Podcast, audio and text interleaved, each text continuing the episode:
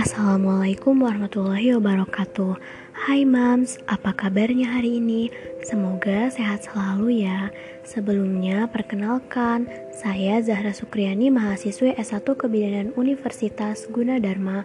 Dan selamat datang dalam podcast perdanaku Di podcast pertama ini Saya akan membahas mengenai apa sih kontrasepsi darurat itu Sesuai dengan judul podcastnya ya mams Yuk kita kenali apa itu kontrasepsi darurat?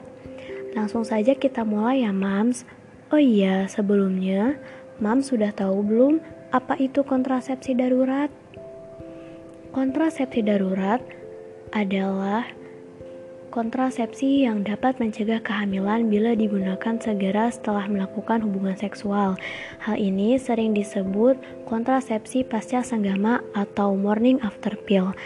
Istilah kontrasepsi darurat asalnya untuk menepis anggapan obat tersebut harus segera dipakai atau digunakan setelah berhubungan seksual atau harus menunggu keesokan harinya dan bila tidak berarti sudah terlambat sehingga tidak dapat berbuat apa-apa lagi. Apa sih hal yang perlu MAMS lakukan untuk mengenali kontrasepsi darurat? Yang pertama, MAMS harus menyadari dan dapat menerima kenyataan bahwa hubungan seksual sering terjadi tanpa perlindungan dan akan terus terjadi kecuali ada perubahan sikap terhadap aktivitas tersebut. Yang kedua, seharusnya ada akses yang terbuka pada kontrasepsi darurat dengan pemerintah atau swasta untuk menjamin tersedianya klinik dan praktek umum serta rumah sakit yang menyediakan kontrasepsi tersebut atau untuk berkonseling. Semua pasangan yang menggunakan kontrasepsi, khususnya pada mereka yang menggunakan metode barrier, misalnya kondom, harus tahu mengenai kontrasepsi darurat. Kemudian, apabila potensi selengkapnya dari kontrasepsi darurat ini dapat diwujudkan dan kemudian diterapkan dalam pelayanan KB, maka akan dibutuhkan peninjauan segera untuk dilakukan pelatihan para dokter umum, dokter rumah sakit, bidan dalam praktek pelayanan kontrasepsi. Lalu, apa saja sih mams indikasi kontrasepsi darurat?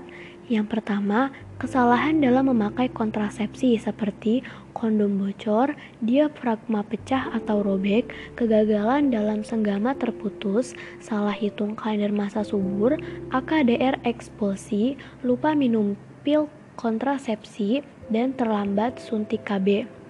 Yang kedua, wanita korban pemerkosaan kurang dari 72 jam.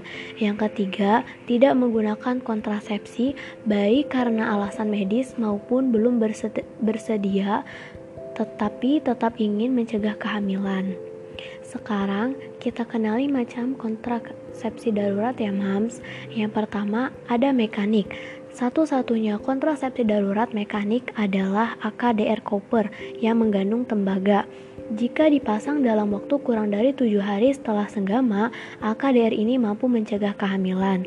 Bagaimana cara kerjanya, Mams? Cara kerjanya adalah mencegah fertilisasi atau mencegah sperma masuk ke dalam tuba falopi. Yang kedua, mencegah implantasi atau merubah suasana tuba falopi dan endometrium. Yang kedua, itu ada kontrasepsi darurat medik.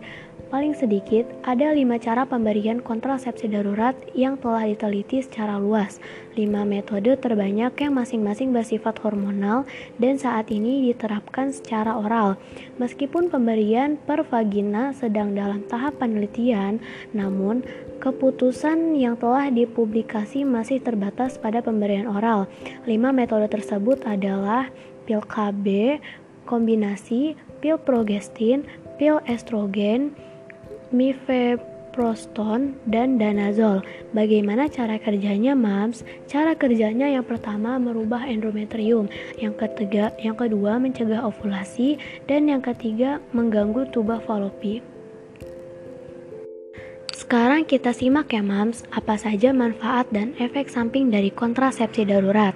Nah, manfaat dari kontrasepsi darurat itu ada banyak loh mams. Yang pertama, mencegah kehamilan 75%. Yang kedua, AKDR juga bermanfaat jangka panjang. Yang ketiga, mencegah kehamilan yang tidak diinginkan. Yang keempat, mendukung hak perempuan untuk mengatur reproduksinya sendiri. Yang kelima, mendukung kesehatan reproduksi perempuan. Yang keenam, tidak ada pengaruh buruk di kemudian hari pada organ sistem reproduksi dan organ tubuh lainnya.